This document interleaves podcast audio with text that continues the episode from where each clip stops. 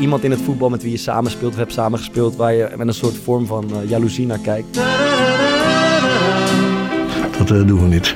ja, jij dan, vriend? Maarten de Fokkert. Nou, ik geloof er helemaal niks van. Nou, wordt Maarten wel vrij snel uh, besproken hoor, in de kleedkamer. De zwans die reikte voorbij de knie. En dat zelf wel aan had willen hebben eigenlijk. Heb je een mooie? Nou, dat is niet aan mij. Is wel echt aanzienlijk minder dan wat ik de laatste jaar voorbij heb zien komen. Daar klopt natuurlijk ook helemaal niks van.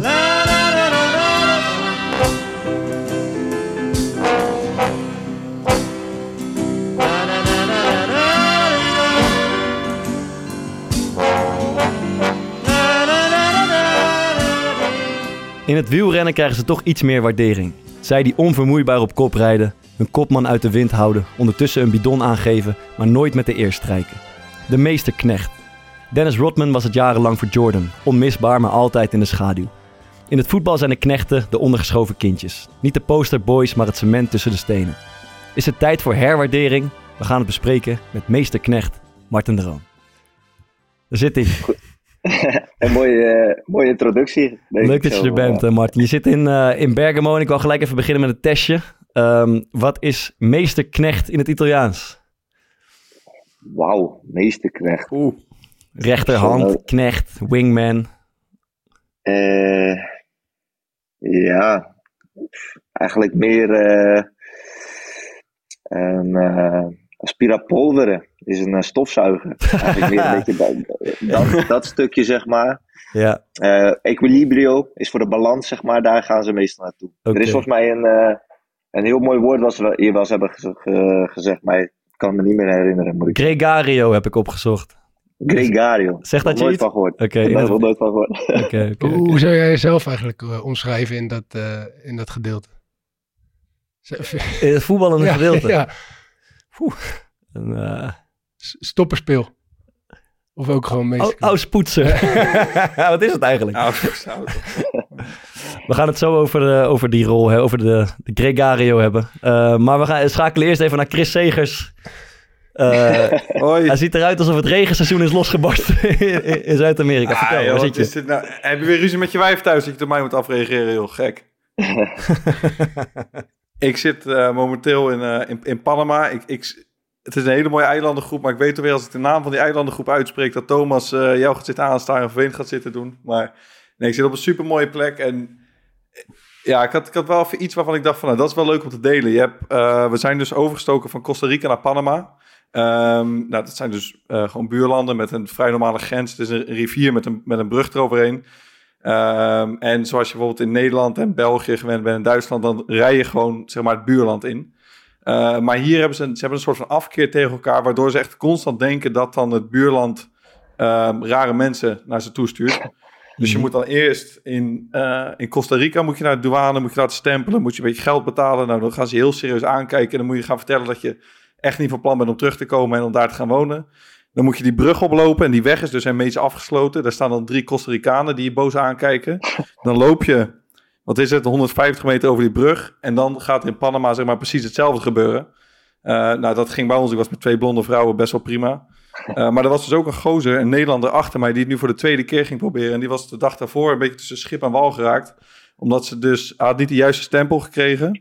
Uh, dus hij kwam Panama niet in. En toen moest hij dus terug over die brug. Maar die Costa Ricanen dachten dat hij uit Panama kwam. En daar had hij dus ook geen stempel van.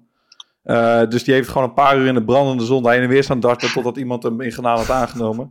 Dus dat was wel iets dat ik dacht van nou. Als ik straks in Nederland terug ben en er is iets wat ik wel kan waarderen. Dan zijn er misschien toch wel gewoon die open grenzen. Zo, jeetje. En wordt het dan ook nog gevaarlijk ergens? Staan ze er het geweer te, te wijzen? Ja, je ziet wel veel. Je, je ziet wel veel. Uh, sowieso echt heel veel um, grote geweren. Bij, ze hebben allerlei soorten politie hier. Dus ja, je ziet wel veel wapens op straat. Uh, ik heb mezelf nog niet echt onveilig gevoeld. Maar we waren wel. Ik was vorige week een keertje uitgegaan op een. Uh, ja, op een of ander Caribisch dansfeest. ik, Met jouw moed? zeggen dat wat ik daar gedaan heb. ik, wil niet, ik wil niet zeggen dat ik daar gedanst heb. Ik heb er gezellig bewogen, zoals ik het zelf dan meestal omschrijf. Um, Doe eens voor. Maar dat was wel... Dat, wat zei je? Doe één keertje voor. Uh, nee, die verbinding is niet goed genoeg. Okay, als er veel beweegt, dan is het Dan, uh... maar daar had je wel echt een hele rare sfeer. Dat je dan, dan stond je op een strand, dus te, te feesten met een mannetje of 200. En daar stonden dan echt 50, een beetje... Denk... dat is niet ongunstig. Martin, hoor jij hem nog?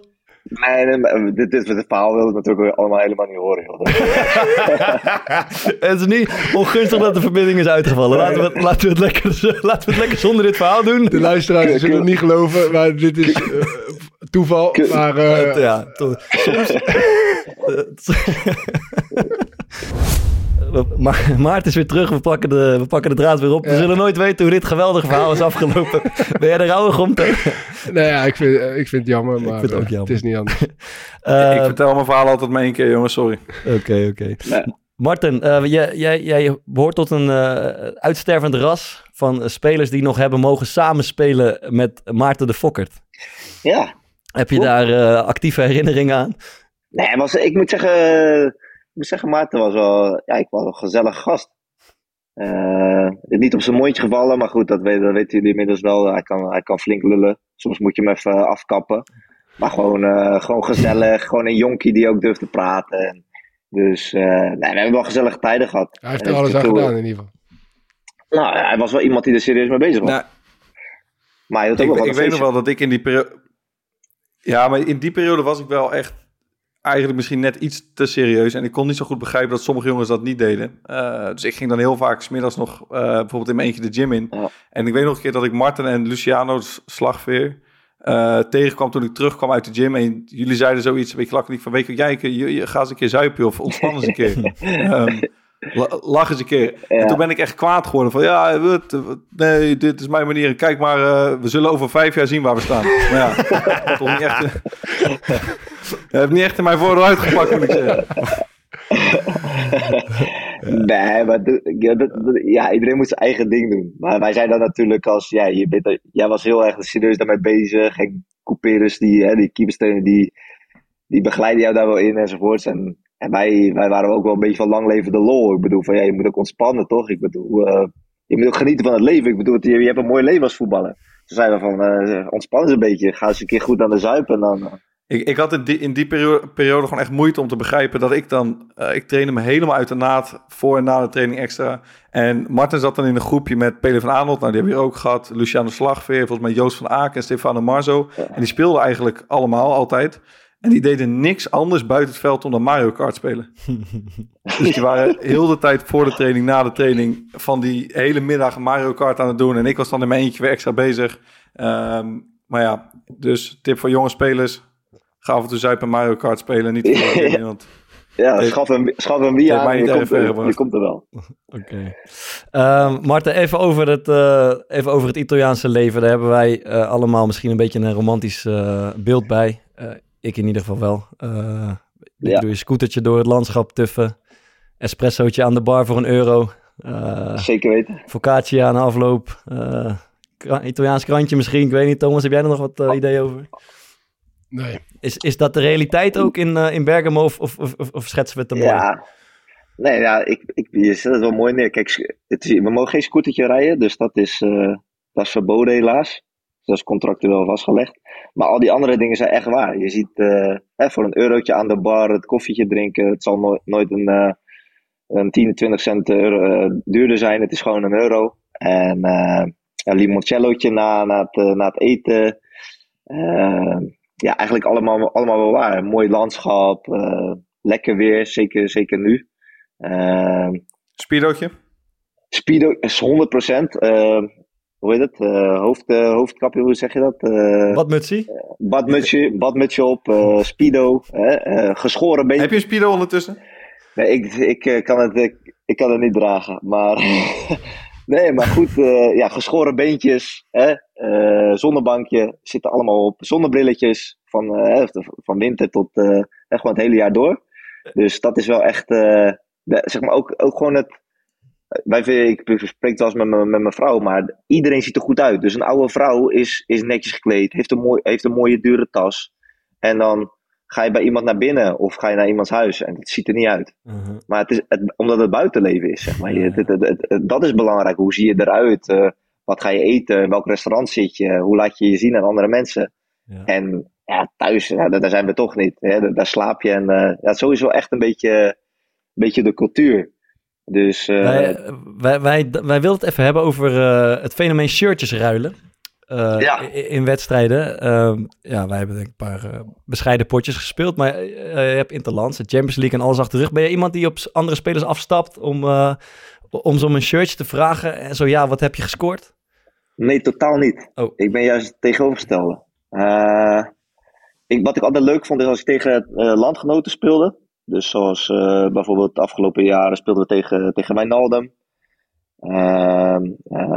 Eh, zeg maar toen nou, Virgil speelde dan niet, want hij was geblesseerd. Maar om, om dat soort shirtjes te scoren. Van um, als je tegen Matthijs speelt, als je tegen eh, De Licht, als je tegen De Vrije speelt. Zeg maar dat soort dingetjes. Dat vind ik altijd leuk om die shirtjes te ruilen. Want dat, ja, dat heeft een soort van waarde voor mij met, eh, met de grote teams nee, ben ik nooit zo, eh, zo happig geweest. En ik ben ook niet iemand die voor een kleedkamerdeur gaat staan en zegt van... hé, hey, eh, hier is mijn shirtje, zus of zo. Dus eh, Eh, En is dat dan verlegenheid of heb je er gewoon geen interesse in? Of, of, of ongemak? Of, of wat is dat? nou ja, het- misschien wel wat verlegenheid. Ik ben ook niet iemand die echt eh, van... hé, hey, mag, eh, mag je shirtje dat je daar zomaar op afstapt. Maar ook iets van... De herinnering zit in mijn hoofd, zeg maar, van, eh, van de wedstrijd. Van eh, tegen wie je hebt gespeeld. Eh, het staat op beeld. Eh, ja, ik heb niet per se een shirtje daarvoor nodig.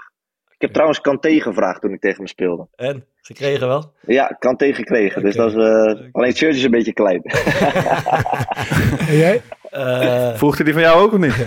ja, dat doen ze altijd wel heel netjes. Dat, dat is echt wel heel bi- bijzonder. Dat al die spelers altijd heel netjes ook jou, jouw shirt vragen. Maar eh, hoe, hoe zou jij dat doen? Stel, er komt op een gegeven moment... eh, je speelt met Atalanta tegen een kleine clubje, misschien wel uit Nederland, oefenwedstrijdje of weet ik het wat. Of je komt terug naar Nederland en er komt iemand die je eigenlijk helemaal niet kent van eh, Sparta. Ja, Sparta is een ander verhaal. Maar, eh, en, en, die, en die vraagt aan jou, hey, mag ik jouw shirtje? En dan krijg je ook zijn shirtje, zeg maar. En loop jij met een shirtje van iemand die... eh, wat, wat, wat, wat doen die grote spelers met die shirts? Dan vraag ik me, dan vraag ik me altijd af, zeg maar. De, de omgekeerde wereld. Ja. Ja, dat, nou, ik heb, moet zeggen dat ik wel een aantal keer een shirt heb geruild met iemand die ik verder niet zo goed ken, zeg maar. Eh, meestal, ja, er liggen een aantal in mijn kast, er liggen nog een aantal op de club, zeg maar. Je bewaart het wel. Ehm, soms zijn er jongens zeg maar, in de kleedkamer die zeggen: hey, ik ken diegene, zou ik dat shirtje mogen hebben, zo een beetje op die manier. Maar gewoon uit respect breng ik het altijd, breng, ja, breng het altijd thuis, breng het in ieder geval altijd eh, bij mezelf. Ehm, ja, ik denk, ja, ik bedoel, wat, wat zal Kanté met het shirtje van Martin Droon doen? Misschien eh, aan, eh, ik weet niet, aan iemand geven of... eh, misschien heeft hij het in de was gegooid, misschien hebben ze het weggegooid, weet jij veel. Dus. Ik, heb vorig jaar, eh, ik heb vorig jaar, dat is de enige mooie die ik heb, eh Mats Hummels eh, gevraagd na afloop of Ah, hij ja. een shirtje mag hebben. Maar ik, ik, vraag, ik vra- vraag dan al niet eens meer of hij ook die van mij wil hebben. ik heb het gewoon zo gelaten. En ik heb aan het begin van mijn carrière eh, twee blauwtjes gelopen. Daar heb ik wel tikkie, heb ik wel tikkie van Eh, gehad. echt? Ja, ik heb, Tegen, eh, van wie? De ene was eh, Jordi Klaasie, die ken ik nog een klein beetje. En ik dacht na de wedstrijd, eh, het was mijn eerste jaar, denk ik, dacht ik, eh, mag ik je shirtje hebben? En toen zei, het zei hij zo, ik weet het niet precies, maar toen zei hij zoiets van, eh, nee man, ik, daar moet ik gewoon voor betalen of zo. dus oké, dat heb ik nog, volgens mij nog één keer geprobeerd. Ik denk dat het bij Jeffrey Bruma was, kreeg ik ongeveer dezelfde reactie. En toen dacht ik, weet je wat, fuck, fuck jullie ook, ik ga het nooit meer vragen. En- nee, ik, heb één keer voor een vriend, eh, voor een vriend van me, Jahan Baks gekregen en eh Giorgio Wijnaldum op verzoeken ook gekregen. Dat, dat, dat is eigenlijk de enige verzameling die ik, die ik heb. En dat- ik doe het eigenlijk ook nooit meer. Jij, Ja. jij wel toch? Nou, ik wilde, we hebben toen tegen Robin van Persie gespeeld. Oh, natuurlijk, ja. En toen, Ja. wilde ik, toen wilde ik heel graag eh, doen, maar toen durfde ik niet. Dus heb ik, heb ik het niet gevraagd. Ja. En eh, voor mijn broertje heb ik vorig jaar speelde een oefenwedstrijd tegen eh, Antwerpen. Ja. Heb ik het shirt van eh Dieu, Dieu Merci en, Ah. Bo- en Bocani. Ja, ja, En die heb ik ook eh, Ah, ja. die heb ik gekregen. Staat, wat, staat daar Dieu Merci op zijn, op Nee, zijn eh? Of? En Bocani. En, en het is ook mooi als je in de zomer, als iemand ooit in de zomer met een keer op een veldje of Ja. met Michel Breuer gaat voetballen, dan is de kans groot dat hij in een of ander verdwaald Real Zaragoza of hij heeft nog een ander Ja. Portugees shirt met, met een totaal onbekende naam. Maar hij heeft die shirts altijd aan als hij gaat Ja. voetballen. Die heeft ook van zijn, Geweldig. ja, dat is wel mooi. Eh, Ja. Maart, is dat iets het keepers ook doen onderling? Ja, ik heb er eentje van Terstegen. Dat is wel met afstand het vetste shirt wat ik eh, ooit heb gehad. Ja. En die heeft niet aan mij teruggevraagd of die van mij mocht hebben. Dat was Jong Oranje, Jong Duitsland maar ja, als Jong Oranje, Jong Ja. Duitsland, ja. Dus dat vond ik wel een hele mooie. En verder heb ik vooral gewoon met jongens met wie ik gespeeld heb, vind ik het wel leuk om wat van in de kast te hebben. Ja. Ehm, maar oh, dat is ook weer zoiets. Kijk, als wisselspeler eh, doe je dat misschien ook weer wat minder snel, man. Dat je Ja. Eh, helemaal. En ja, ik, misschien is dat toch ook als je tegen wat grotere clubs speelt. Bijvoorbeeld, ik kan me voorstellen als je tegen, eh, tegen Feyenoord speelt of je gaat Europees spelen, dat dat dan iets heel gebruikelijk is. Maar ja, bij Excelsior of die laatste jaar in de KKD, ja, hoe vaak ga je daar nou na de wedstrijd een, sh- een shirtje ruimen? Dat, dan krijg je een klap van die wasvrouw om je oren. Ja.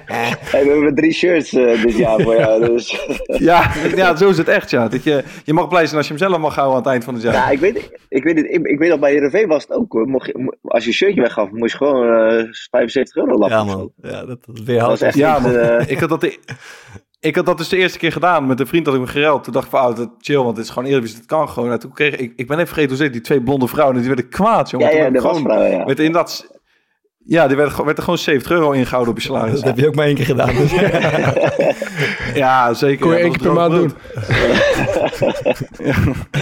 Ja, ik heb alleen eh, Wout, Wout Weghorst is de enige die ooit aan mij heeft gevraagd of hij mijn shirtje mocht Ja? hebben. Dat had niet specifiek met mij te maken, maar hij zei echt tijdens de wedstrijd, ik was zijn directe tegenstander, hey, geef even je shirtje naar de wedstrijd, man. Ik, ik vind het tenue van Sparta mooi. Dus dat is, Ja. eh, dat is eigenlijk de enige keer dat het... eh, dat Heeft hij er wel kijk op in ieder geval? Ja, er wel moet kijk op, Sparta? Ja, weet je. ja, ja, ben ik mee eens. Ben ik mee eens. Eh, eh, voetbalverhaaltje? Heb je een mooie? Ik heb een mooie. ja. Oh, ja, ja, ik heb een mooie. Hij is eh, ingezonden door eh, Jorik Lichthart op uh, corepodcast.gmail.com. Ehm, de titel is eh, Mentale tik onder de douche. Eh, eh, en we, ik moet er even bij zeggen, om, omwille van de privacy van de desbetreffende speler en waar het om gaat, hebben we de echte naam vervangen door een pseudoniem. En het pseudoniem is Maarten de Fokkert. Dus waar ik Maarten de Fokkert zeg, bedoel ik een andere speler. Komt ie aan. We gaan niet zeggen wie, maar hard vast. maar hij is wel langs Oh, geweest ja. in de podcast. Eh, het was 2002. Ik speelde als centrale verdediger in de D1 van Alexandria 66 en dat ging goed. Ik kreeg een uitnodiging voor het regio-elftal onder de 12. Een aantal weken later moest ik mij daar melden voor een training. Toen ik redelijk onzeker en vol spanning met mijn voetbaltas aankwam, stond daar al meteen een imposant figuur. Een rilling schoot over mijn rug. Moet ik het hier tegenop nemen? Tijdens de training kwam ik erachter dat het imposante figuur de naam Maarten de Fokker droeg. Destijds speelde hij bij Spartaan 20 en was ook centrale verdediger. Shit, wegkans, dacht ik. Gelukkig heb je twee centralen nodig en ik mocht figureren naast Maarten de Fokkert. We bleken een uitstekend duo. In je ontwikkeling van jongen naar man is de leeftijd 12 tot 16 zeer interessant. Je bent onzeker, je krijgt haar op je zak en je probeert van alles uit. Na de training begon het echte spelletje. Douchen met bokser aan of met bokser uit. Een klassieker. De eerste jongens gingen douchen en zoals verwacht, zij hielden hun boxershort aan. Ik twijfelde geen seconde langer. Met mijn boxershort aan stapte ik onder de douche. Pakweg 15 seconden later stond ik te douchen en daar kwam het aan. Iedereen hield zijn adem in. Zonder boxershort kwam daar Maarten de Fokkert binnen. 11 jaar jong met een zwans die reikte voorbij de knie. In mijn, in mijn nu ruim 26 jaar. In mijn nu ruim 26 jaar durende voetbalcarrière heb ik zo'n monster niet eens bij volwassen kerels gezien. Jullie begrijpen, deze mentale tik. Als jochie van 11 ben ik nooit meer te boven gekomen. Zonder deze tegenslag was ik vast profvoetballer geworden. Dat was getekend. Jorik Lichthart. Ja, Maarten eh, de Fokkert. Zeer indrukwekkend eh, onder de douche. Op die leeftijd al. Het had hem kunnen zijn. Het had hem kunnen zijn. Ja, zeker. ik weet niet of jij het nog kan herinneren, Marten. Maar bij ons werd. Maarten wel vrij snel eh, besproken hoor, in de kleedkamer. Ja, maar de Fokker had ook wel besproken bij ons, denk ik. Ja. Nou, ik weet nog, ik, ik, ik kwam toen nieuw en, en dan moet je net eh, Jens Jörn Streutker en Michael Chacon in de, in de ploeg hebben.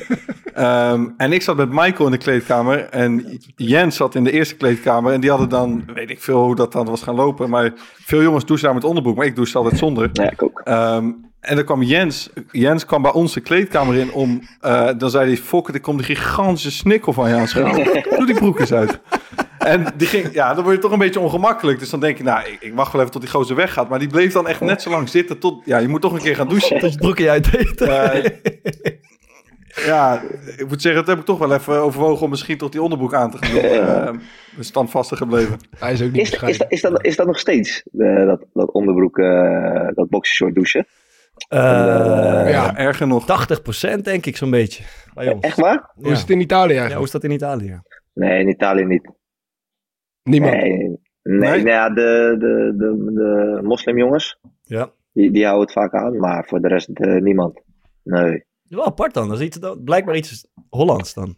Ja, ik, ik weet nog mijn allereerste, dat ik daar de eerste keer in de kleedkamer zat en ehm, eh, ja, dan kom je uit de Nederlandse cultuur. Dus inderdaad, eh, veel jongens die met boxershort eh, douchen. Ik heb het zelf ook, eh, ook nooit gedaan, maar dat ze zo douchen, dat het hè, handdoekje voor is. En eh, nou, dat het allemaal wel een beetje eh, hè, van, eh, ik, ik- hè, zo min mogelijk laat ik zien. En eh, ja, die, die, gozer, die, gozer, die gozer naast mij had gedoucht. En eh, nou, die ging daar even staan en die, die legt zijn handdoekje neer. En eh, nou, die gaat zich eerst echt overal, eh, overal afdrogen, zeg maar. Even vooroverbukken enzovoort. Nou ja, alle, alle inzichten hè, kwamen, kwamen naar voren zo. En eh, ja, die pakt een cremmetje en die begint hè, zijn beentjes en de onderkant van zijn zak en eh, weet ik veel. Alle, en, en ik zat daar gewoon, ja, hij zat bijna met, met alles in mijn gezicht zo. En ik denk van, is dit normaal? Hè? Is dit normaal? En vervolgens zie je de volgende doen en die andere doen. En er zit er eentje gewoon midden in de kleedkamer zijn zak te scheren. En het is echt... het is gewoon, dat, die ja, een hele andere cultuur. Nu nog steeds, zeg maar, mensen in de kleedkamer, gewoon open en bloot, zijn daar gewoon mee bezig. Dat is, eh, ja, ja, moet kunnen, zeg maar. Heb jij je zak wel eens geschoren in de kleedkamer nu? Nee, ik ben gek, joh. Nee, dat, dat is nog wel echt de Nederlandse nuchterheid, hoor. Dat, Nee, dat eh, heb ik in Nederland ook wel eens Ik, heb, eh, ik weet zien niet gebeuren. precies, maar ik heb het ook wel eens gezien, ja. Ja? Ja, met ontharingscremmetjes en zo. Die heb, ik wel, die heb ik bij Sparta wel voorbij zien komen in, in, in de kleedkamer. en, en bij het Nederlands elftal dan? Want dat is dan wel de Nederlandse cultuur. Ja, ja daar, is wel wat, daar is wel wat, eh wat onderbroek gedoucht, maar ook wel, ik vind het niet, zeker geen 80%. Ik zou daar eerder naar 30 of zo gaan of zo, denk ik. Mooi man. Dus eh, Dat is wel echt aanzienlijk minder dan wat ik de laatste jaar voorbij heb zien komen. Daar was het echt, daar was het op één hand te tellen wat er zonder onder, onderbroek douchte. ja, ik, ik moet zeggen, het, een van de eerste keren bij het Nederlands elftal toen gebeurde dat. En ik stond toen als, dus ik stond als een van de eerste stond ik daar zonder. eh, en toen kwamen dus een aantal met de onderbroek. En ik moet zeggen, ik, ik zeg alles daar. Dus toen zei ik van, ook wist niet dat het verplicht was om hier je onderbroek aan te houden, zeg maar. En dan moesten ze allemaal om lachen. En toen zag je ook wel gewoon dat, eh, dat er wat eh, jongens, jongens zonder kwamen en wat dingen uitgingen. gingen ze ineens eh, uit. Ja, ja. Ja, van, ja, voor wie, zeg maar. Ik bedoel, ik begin niet tegen mijn vrouw te vertellen over hoe of wat, zeg maar. Het is, ik bedoel, ja, om, om schoon te zijn, douche je niet met je onderbroek, toch? Dat, is, dat is gewoon heel raar. Wat een, een wijze les van eh, Martin de Roon hier in, onze podcast. Hoe, hoe heette degene die dit foutje Dit is? was eh, Jorik Lichthart. Die is niet te Jorik. beroerd om iemand voor de bus te gooien. Eh, nee, zeker niet. En eh, ik denk dat hij ook wel een aardje had kunnen, kunnen gebruiken tijdens die, tij- tijdens die wedstrijd. om zijn zelfvertrouwen en zijn energie wat, Ja. eh, wat te boosten. Wat, wat, wat zou je aanraden? welke zou je hem aanraden van? Ik zou eh, Pro, Pro Energy, dat is die, eh, dat, dat is die rode, die kan je drinken voor of, eh, of tijdens inspanning. En eh, ja, ja, ik, ik denk dat hij daar wel wat aan had gehad. Als, hij, eh, hij als, echt dat toen, geworden. als hij dat toen had geweten, ja. Had hij, eh, had hij Maarten de Fokkert zo... eh, Misschien was hij van hem ook wat gaan groeien dan. ja, Ook, ook dat is is een van de pluspunten die we, niet- die we niet mochten benoemen van haar, maar het schijnt wel te gebeuren. Mooi man. Oké. Eh, dan gaan we het hebben over de, de knecht. De verborgen kracht. Eh, ja, ik denk dat we het, type Martin de Roon eh, een beetje op een voetstuk eh, gaan krijgen zometeen. Eh vooropgesteld vroeg wel, ben jij, ben jij de speler geworden, Martin, eh, die je vroeger graag had willen zijn? Eh, nee. nee. Nee. Maar volgens mij elk eh, jong jochie op eh, keepers na natuurlijk, die eh, wil spits of eh rechtsbuiten of nummer 10 worden.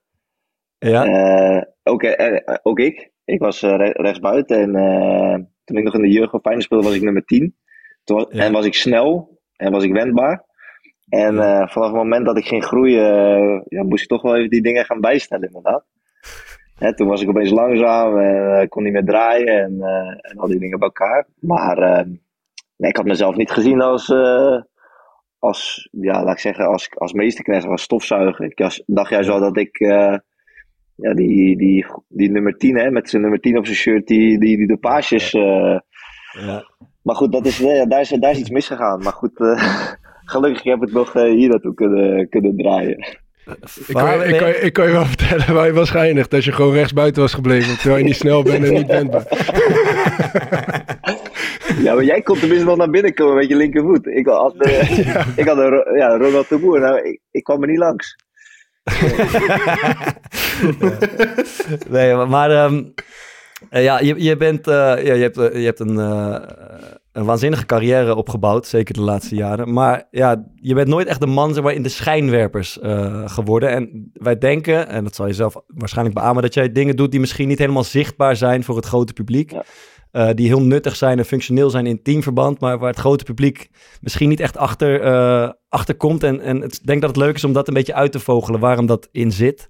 Ja. Uh, ja, wat, wat denk je zelf? Waar, waar denk je dat vooral jouw waarde ligt in zo'n in zo'n ja. ja, nou kijk, voor jullie, jullie weten het waarschijnlijk ook, jullie hebben ook wel met jongens gespeeld die eenzelfde soort rol als ik hebben, zeg maar, in, in het veld. Dus Ja. voor jullie is het misschien makkelijker te begrijpen. Maar voor de, voor, de, voor de mensen die dat minder makkelijk zijn te begrijpen, je, wat je natuurlijk vaak in de statistieken en alles niet ziet, is, is bijvoorbeeld het, het dichtlopen van ruimtes. Uh, op een bepaalde plek sta, staan, waardoor een speler die bal al niet meer speelt, of dat een speler al niet meer de diepte in gaat lopen, of waardoor je eigenlijk zorgt dat, dat iemand wordt uh, gehinderd op een onzichtbare manier. En. Um, ja, ik denk dat dat, dat, dat, zeg maar, dat, dat een, een kwaliteit of een rol uh, is van mij in het veld, die, ja, dus die niet gezien wordt.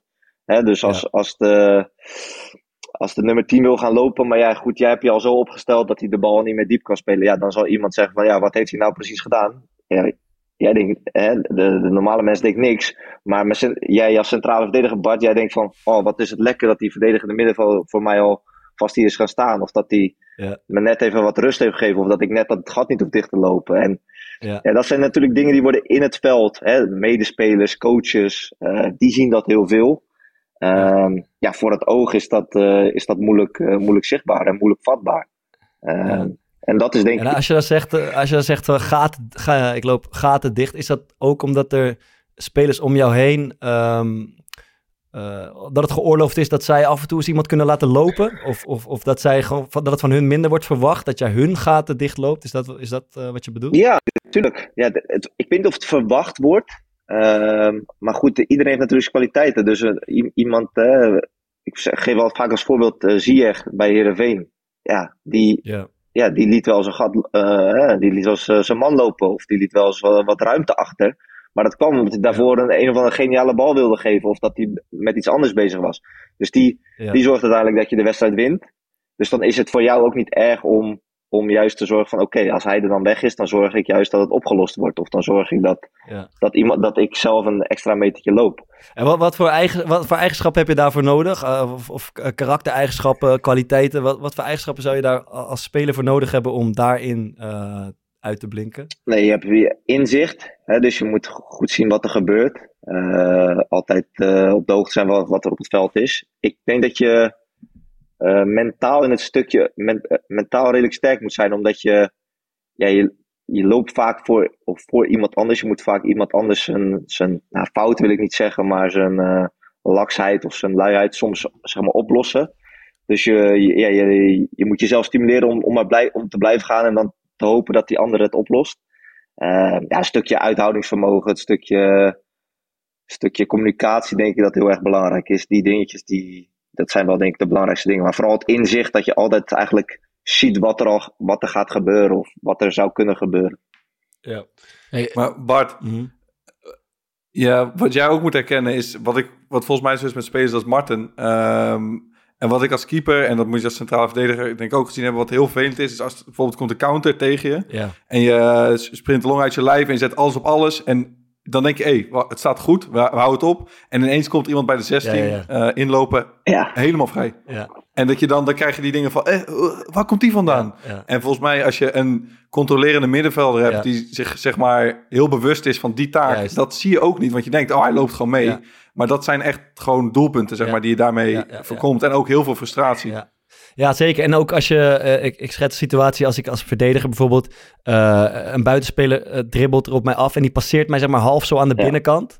En, en, die kan dreigen gaan schieten of dreigen te voorgeven. Dat je, dan hoop je altijd dat, dat er iemand kort genoeg bij je zit om dat dan uiteindelijk te repareren. En als er dan soms kijk je om je heen en denk je, thank god, die middenvelder heeft het gezien, is meegesprint, was bewust van het gevaar en heeft zijn blok kunnen zetten, waardoor, waardoor zeg maar, het niet gevaarlijker wordt dan nodig is. Dat zijn wel volgens mij voorbeelden waar, uh, waar die spelers heel belangrijk ja, zijn. Je ziet heel veel spelers die zijn heel erg taakbewust, dus die denken dan van, hé, hey, ja, mijn man die dek ik, dus dat is prima. Eh, jij bent, eh, Mm. Bart, jij bent verdediger, dus succes. Jij moet nu de bal pakken.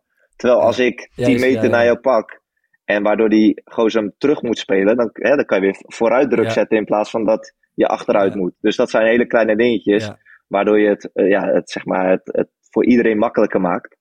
Eh, maar goed, dat moet wel in je, in, je- in je kop zitten. Dat moet wel, daar moet je wel bewust van zijn. En dat hebben, dat hebben veel jongens niet.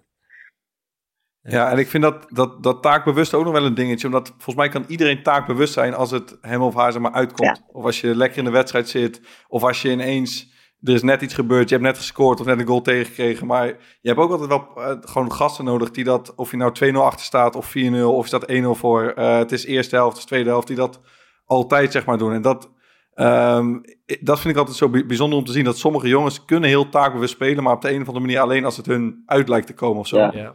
Eh, en dat vind ik ook echt de kwaliteit. Dat je als je gasten hebt die dat gewoon, no matter what, zeg maar, dat altijd kunnen opbrengen. volgens mij staat de kracht volgens mij nu van Liverpool, toch? Die laat die eh Klopp laat gewoon eh Mané en eh Salah laat gewoon tot een bepaalde hoogte echt gewoon mee verdedigen. Die, hebben, die zijn heel, heel erg taakbewust, die weten echt wat ze moeten doen. Ehm, tot daar en dan vanaf daar nemen die anderen het over. Maar als, ja, als hun back wordt aangespeeld, zie je echt volle druk. Die zullen nooit een keer, zeg maar, niet die druk zetten. Z- Zijn er ook grote ploegen in, de, in Europa nu waar dat, waarbij dat heel duidelijk minder, eh, minder is?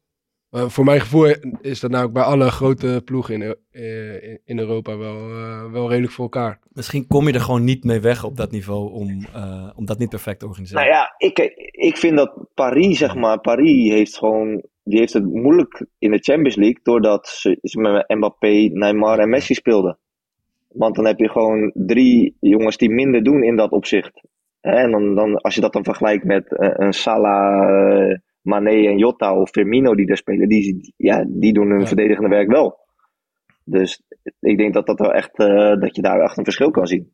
Volgens mij hebben we, ehm, als we een beetje inzoomen op het organiseren van een team, we hebben het allemaal wel eens meegemaakt, dat je, dat je zo als team het gevoel hebt dat je steeds achter de feiten aanloopt, dat je geen druk krijgt. En het verweer van de, eh, eh, van de, van de buitenwacht is altijd na afloop, ze doen er niet alles aan, of ze zijn niet scherp, of ze komen niet in de Geen passie en strijd. Geen passie en Ja, strijd. bij Sparta vrij vaak gehoord. Heel, heel vaak gehoord. maar, eh, Jij ook wel, denk ik. Die heb ik ook nog wel gehad hoor. Maar volgens mij, eh, en ik denk dat jullie dat beamen, is de oorzaak daarvan vaak dat het gewoon niet klopt. Zoals het op het veld hoort te staan. De organisatie is niet goed. Ehm, eh, ja, laten we er even op inzoomen. Hoe ziet een goed georganiseerd elftal eruit? Ik vermoed, Martin, dat jij het speler bent die daar eh, ook best wel aandacht aan besteedt. Ja, nee, eh, ik vind het wel mooi dat je dit inderdaad opbrengt. Want sowieso, het kan er heel slecht uitzien als één speler verzaakt, zeg maar, in zijn taak. Ja. Dan kan je gewoon als hele ploeg kan je er echt dramatisch uitzien. En dan, dan kom je overal altijd te laat. Ja. Dus dat is heel, heel moeilijk. Dus inderdaad, heel moeilijk zeggen, ja, pas in strijd. Nee, het, vaak inderdaad dat het niet klopt. Eh, maar organisatie is alles. Eh, en dan, dan heeft het dus inderdaad ook met een stukje, stukje kwaliteit te maken. Van, kan, hè, kan de speler zijn, zijn taak uitvoeren? Ziet hij dingen? Ziet hij, zijn, eh, hè, ziet hij rechts of links buiten zijn bek vertrekken? Ja. Volgens mij is Fred Rutte het beste voorbeeld daarvan. Die zei gewoon tegen Arnautovic en Elia... Jullie spelen bij mij niet totdat je met je, met je bek meegaat naar de achterlijn Mhm. dat je hem naar beide achterlijnen kan mee, meenemen.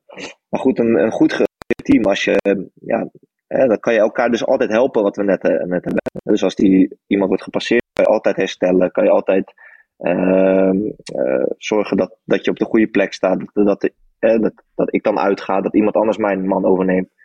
Dus ik geloof echt wel maar, dat... en hoe, eh, hoe regel, hoe, je ziet het zo voor je dat volgens mij is het gevoel dat alles dicht bij elkaar zit, dat de afstand tussen elkaar juist is en klopt. Ja. Hoe, hoe, hoe regel, ben jij iemand die dat regelt? Eh, Ja, zo, ja. hoe? ja, veel, nee, je moet heel veel praten. Ehm, maar wat ik, wel, wat ik mooi vind, in ieder geval hier bijvoorbeeld in Italië, wij spelen elke dag 11 tegen 11. En dat doen we op alle groottes, hè, dus van, van een heel veld tot eh hele kleine veldjes. Maar altijd zeg maar dezelfde, dezelfde ideeën. Dus dat je precies weet, oké, die zet druk, dit gaat gebeuren.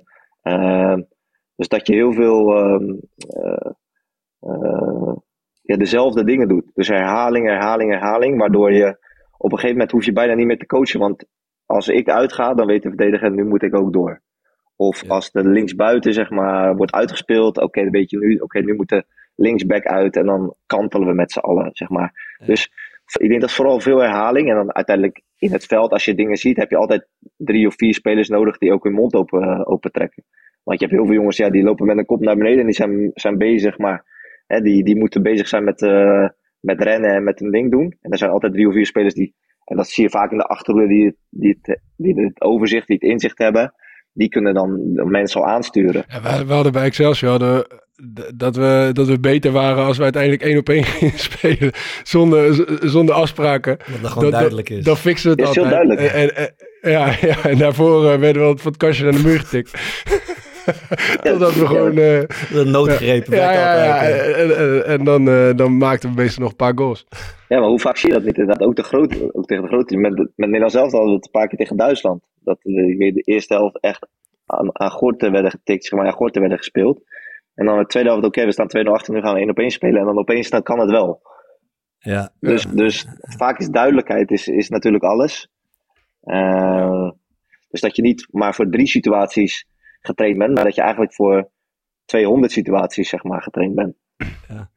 Maar Je schetste net dat die 11 tegen 11 wat jullie elke dag doen, maar alle voorbeelden die je geeft zijn allemaal verdedigende voorbeelden. Ja. Eh, dus over druk zetten, als ze dit doen, als ze Ja. dat doen, gaan we dan uit. Ehm, maar is, is dat iets eh, typisch Italiaans? Want in, het, in Nederland zijn we toch ja, misschien wel 60% van de tijd bezig met aanvallende voorwaarden. Hoe gaan we opbouwen? Hoe gaan we onder de druk vandaan spelen? Hoe gaan we tot aanvallen komen?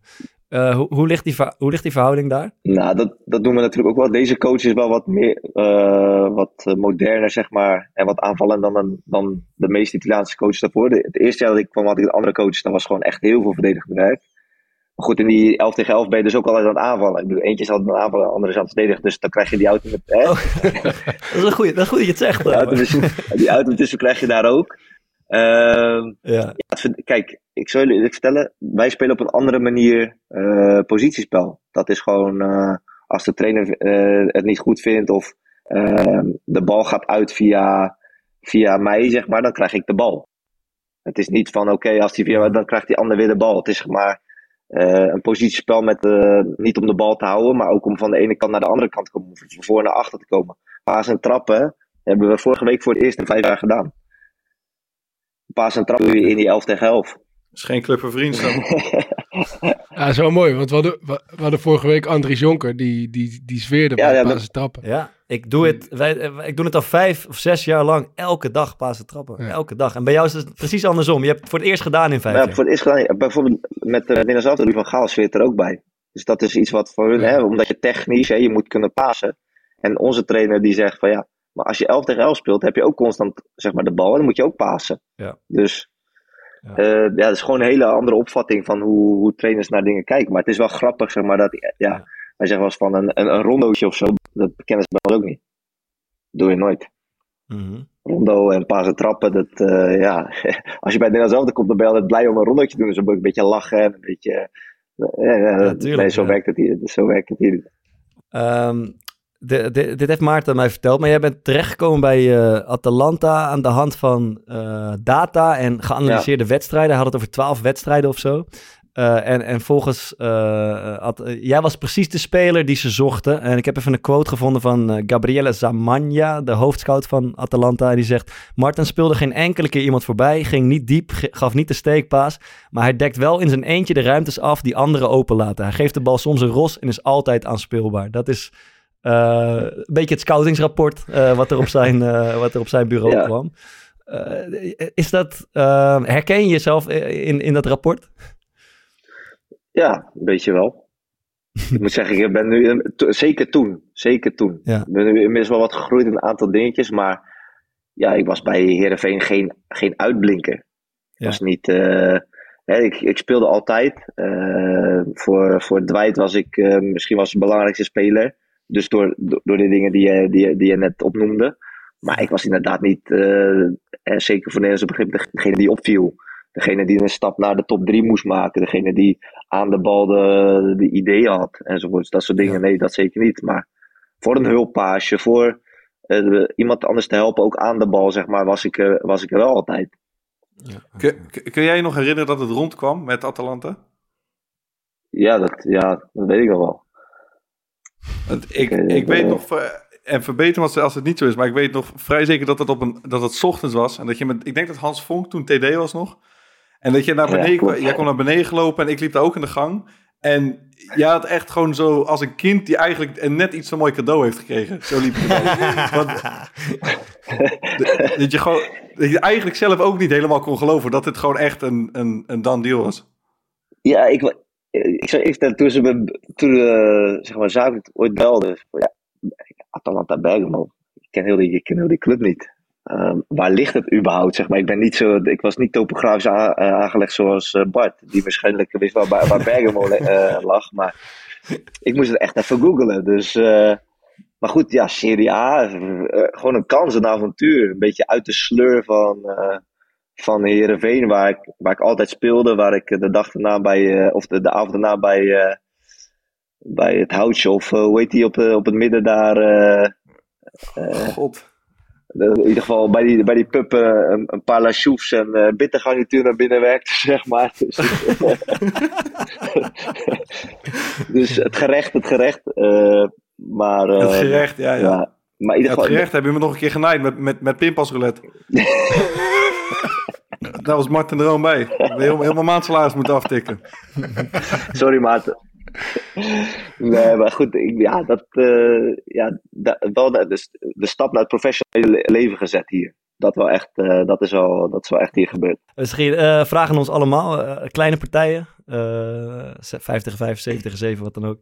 Eh, kies je als eerste het type De Roon of het type, eh. Maarten had het, het type Verhaar in zijn Ja, hoofd. type vaar, Ik onder dacht de roon. misschien type Danjuma of zo. Ja, de Roon nog een keer. Ja, le- ik, Goed, ik zeg type De eerlijk, Roon of type, da, eh, type Verhaar, wie je als eerste eh, kiest. Nee, die, die, ma- die, Ja. die maakte vier, maar die is ook, die laat ook vijf keer zijn man lopen. je- nee, ik zou eerlijk zeggen, 7 tegen 7 Mhm. zou ik misschien eerder een, eh, een, eh, een type, type, eh, eh, type droom kiezen. Ja. In een 3 tegen 3 bijvoorbeeld zou ik altijd een type waar kiezen. Ja, ja, ja. Wel eens een goede tijd, hè? Ja, jij dan, vriend?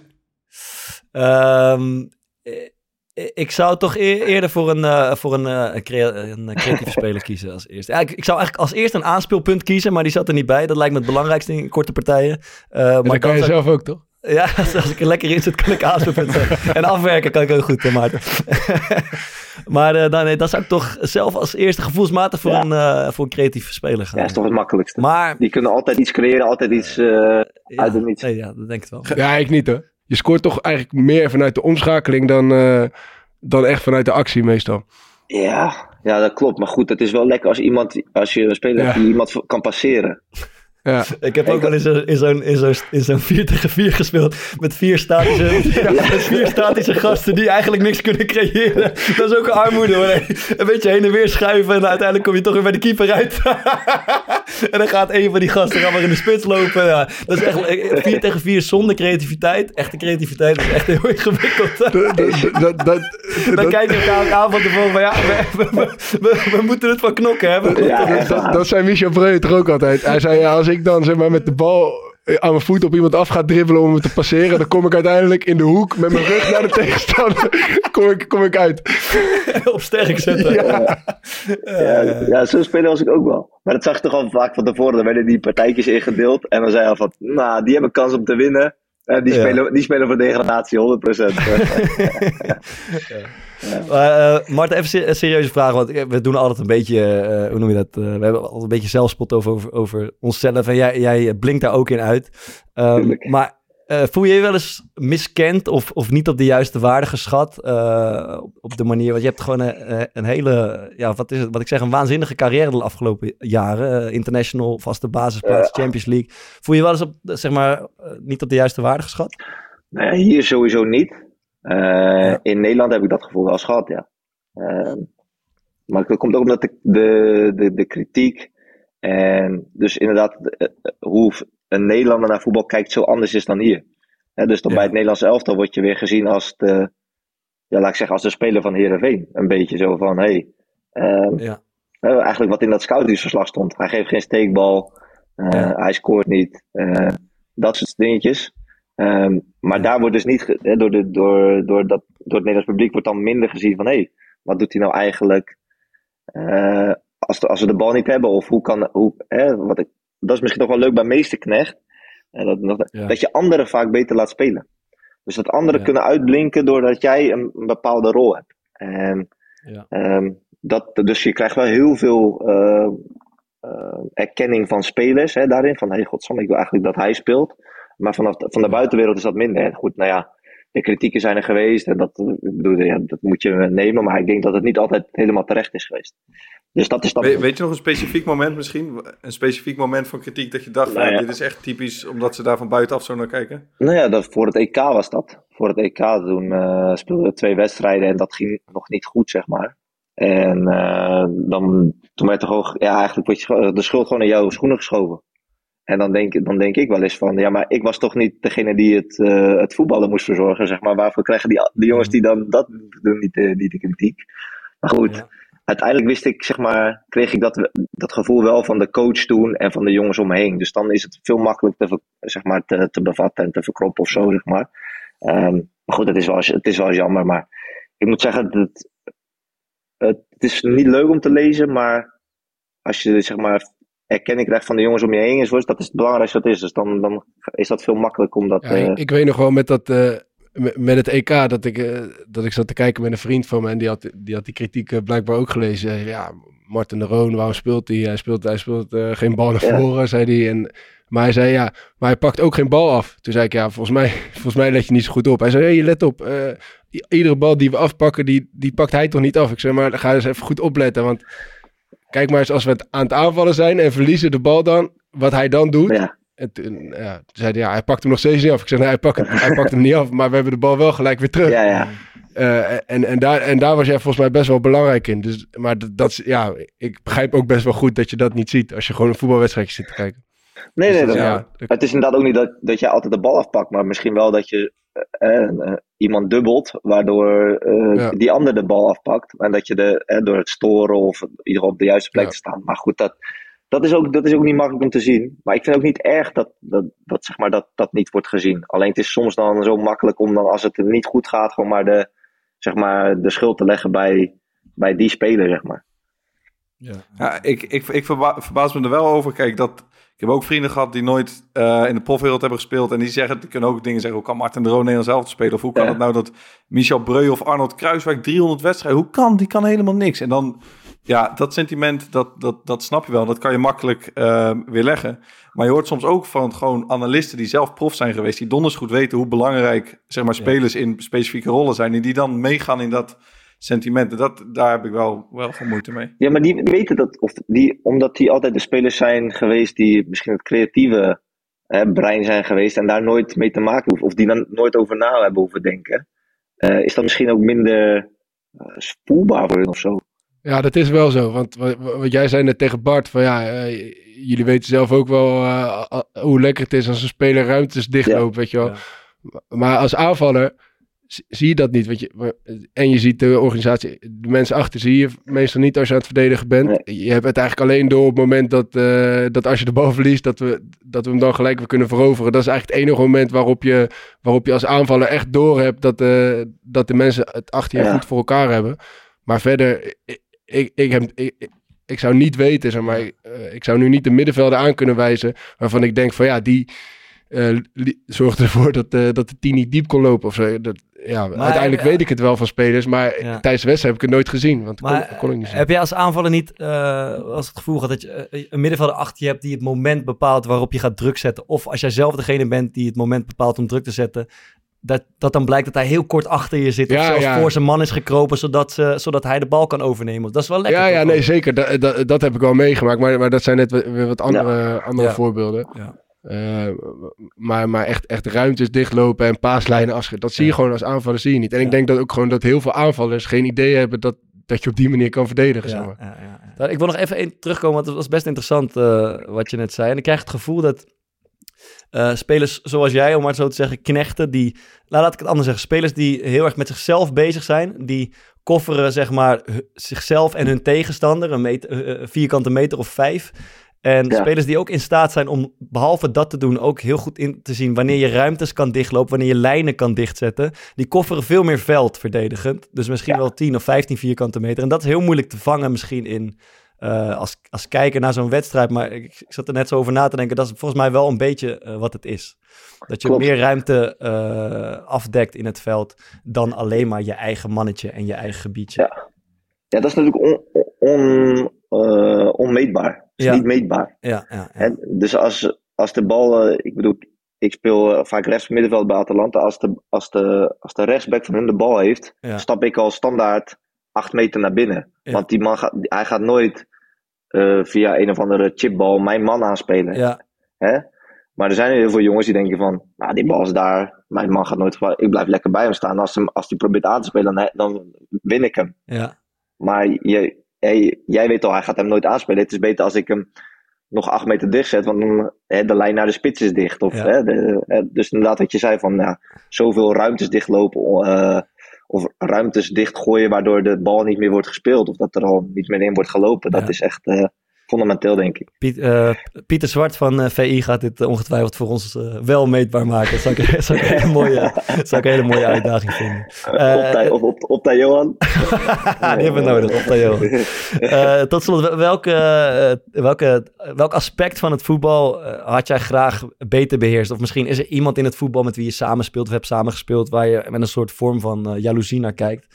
en dat zelf wel aan had willen hebben eigenlijk. Naar de. Dus misschien gewoon met. de- als je de bal, zeg maar, als middenvelder. eh, eh, krijgt met je. dat de tegenstander in je rug zit. Dus met, de, met je rug naar de tegenstander. Ja, En dan het, zeg maar, het, het kunnen draaien, zeg maar, van links naar rechts. Dat je de. in plaats van waar ik dan, als ik de bal zou krijgen, waarschijnlijk zou kaatsen of proberen in één keer naar voren te spelen. ja, Hè?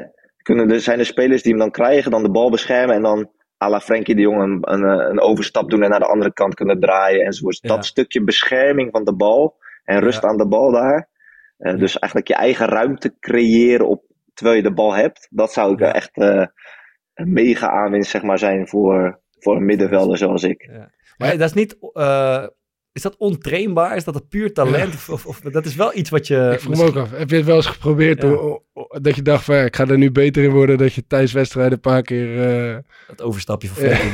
Nee, ik- dat, dat risico wil ik niet nemen. nee, op- ook, op, ook op een training. de- het, het kan vaak wel, alleen het zit gewoon niet in je. Je denkt gewoon vaak, vaak naar een andere oplossing. Dat zit gewoon in je, in je, in je, in je kop, denk ik. Van, Ja. ja. ik ga hier nu geen risico nemen. Ik, eh, ik heb toch net iets minder balcontrole. Ik kan het niet meer herstellen als het fout gaat. Dat Ja. stukje, denk ik. Dus het is, waarschijnlijk is het echt wel trainbaar, maar Dat is de- Ik heb het niet getraind. Ja, ik snap het. Ik, ben, ik herken dat wel hoor. Dat is, je kiest dan, eh, je gaat heel snel terug naar je eigen routine. Wat je Ja. zelf, waar, je, waar je je comfortabel bij voelt, waar je je Ja. goed bij voelt. Ja. Eh, en misschien is dat, eh, dat soort dingen uitproberen en trainen. Daar, je- zeker jij speelt inmiddels op een niveau waarin daar heel weinig ruimte voor is misschien ook wel. Hè? Ja, ja dat, dat denk. Misschien ja, had ik het wel meer kunnen trainen, maar ik heb altijd ja, op andere dingen zeg maar mijn focus gehad. Ja. Ik- denk eh, dat we de aanraders van de week moeten doen. Maarten, ik, ik weet niet wat hij aan het doen is, maar eh, we kunnen het invullen voor hem. Thomas, wat zou hij deze week aanraden? ik denk dat hij of een artikel of een podcast van de correspondent Van de correspondent. Kijk, Zoek maar even uit. over, eh, wat zal het zijn, klimaatverandering. Ja, duurzaamheid, iets. Ja. Goed, dan uh, uh, Martin, heb, heb jij erover nagedacht? Ik heb erover nagedacht en ik, kreeg, ik kreeg wel opties. En uiteindelijk is het een hele simpele aanrader natuurlijk. En dat is zeer zeker een weekendje Bergamo. Oké, oké. Maar okay, dat hoeft niet eens voor een wedstrijd te zijn, want het is echt een hele mooie stad. Dus ik, laat ik zeggen, een weekendje Bergamo met de vrouw. Oké, met de vrouw, die moet mee. Dus, ja, dus niet met, die, met, de, met vrienden. Het is niet de meest je gaat, uh, uitgaansstad enzovoort. Maar met de vrouw is het echt uh, geweldig. Het eten is ja. top. We hebben een geweldige oude stad. Echt heel mooi. Ja. Uh, echt heel leuk om te bezoeken. Dus twee dagen, twee dagen Bergamo. Dus we, ja. we, hebben, we hebben een vliegveld. Vanaf ja. Eindhoven, Amsterdam. eh, Redelijk goedkoop vliegen. Dat is echt dat is de aanrader van, van, de, van de week. Ik wil één uh, bezienswaardigheid en één uh, restaurant horen. En dan, uh, dan weten we genoeg. Oké, okay, restaurant is sowieso Cece Simo. Oké. Okay. En eigenlijk de Finocolare, dat is dus het, het, ja, een ouderwets trammetje, zeg maar. Wat je zeg maar Mhm. van de lage stad zo in de berg, maar echt stijl, zeg maar, zo naar de Ja. oude stad brengt. Ja, dat, is wel, dat is wel echt geweldig. Dat is echt. Eh, en de muur, trouwens, de muur van, je hebt de muur van Bergamo. Dus Ja. het zit altijd een muur. Dit is UNESCO erfgoed. Dus dat is, ja. ja, dat is echt een geweldig, geweldig uitzicht. Kan Milaan vanaf daar zien. Het is, eh, ja, daarom, eh, ik zou zeggen, kom, kom gezellig langs. Ik kan zelfs nog een koffie, koffie met me drinken als je wil. Als ik, eh, Eurotje, ik trakteer. Eurotje aan de bar. Ja, we, we hebben toen ook zo'n foto gezien, toch, van zo'n voetbalveldje daar zo in de, in de bergen. Ja, Eh, Weet dat je nog? daar? Tijd, ja, dat was ook Bergamo volgens mij. Zo Ah, heel toen mooi, zeiden wij, we moeten bij Martin Droog gaan opnemen. Ja, dan kunnen we daar voetballen. Ja, Ja, ja. ja, echt heel, vet, echt heel vet. Echt heel leuk. Dus, eh, mooi. Je hebt in ieder geval meer krediet dan ik eh, bij deze podcast, want ik heb ooit een keer Barcelona als reisbestemming eh, aangeraden en dat, en dat wordt me nog steeds nagedragen. Ik heb wel naar mijn zin gehad in Barcelona. Ja, ja, ja dat, bedoel ik. Waar? Ja, ik, ik, heb een, eh, ik heb een serie. Ik ben, ik ben een groot fan van eh, The Wire. Dat is een oude, oude serie. Ja, dat ken ik. Eh, echt, echt een gruwelijke serie. Maar de makers van The Wire die hebben nu een, eh, een, een nieuwe serie gemaakt. eh, die, die zich ook afspeelt in Baltimore. The Wire speelt zich ook af in Baltimore. Dus het is eigenlijk een feest eh de herkenning als je, als je The Wire kijkt. De serie heet We Own This City. Is te zien op HBO Max. Ja. En er komt één keer per week een aflevering. Dus dat vond ik eigenlijk niet snel genoeg gaan. Dus ik ben The Wire maar gaan herkijken. En, de- ja, en, de- en dat kan ik ook zeker aanraden. Dus eh, We Own This City en, eh, The Wire. Heel vet. Eh, het, het was eh, afgelopen week de 75ste verjaardag van Johan Cruijff. En eh, de NPO zond een, een documentaire uit, een nieuwe documentaire, die heet JC.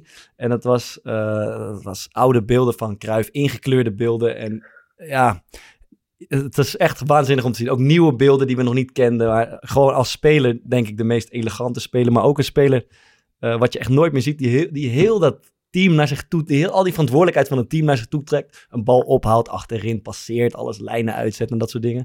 Maar het gaat vooral over de relatie tussen Cruijff en de media. En dat is heel interessant. Want ehm, ja, een originelere man dan, dan, dan hem, die, die kom je niet meer tegen, denk ik, in het voetbal. Maar ook eh, ja, als je ziet wat het, wat het verschil is tussen topvoetballers van nu in de omgang met de media en hij.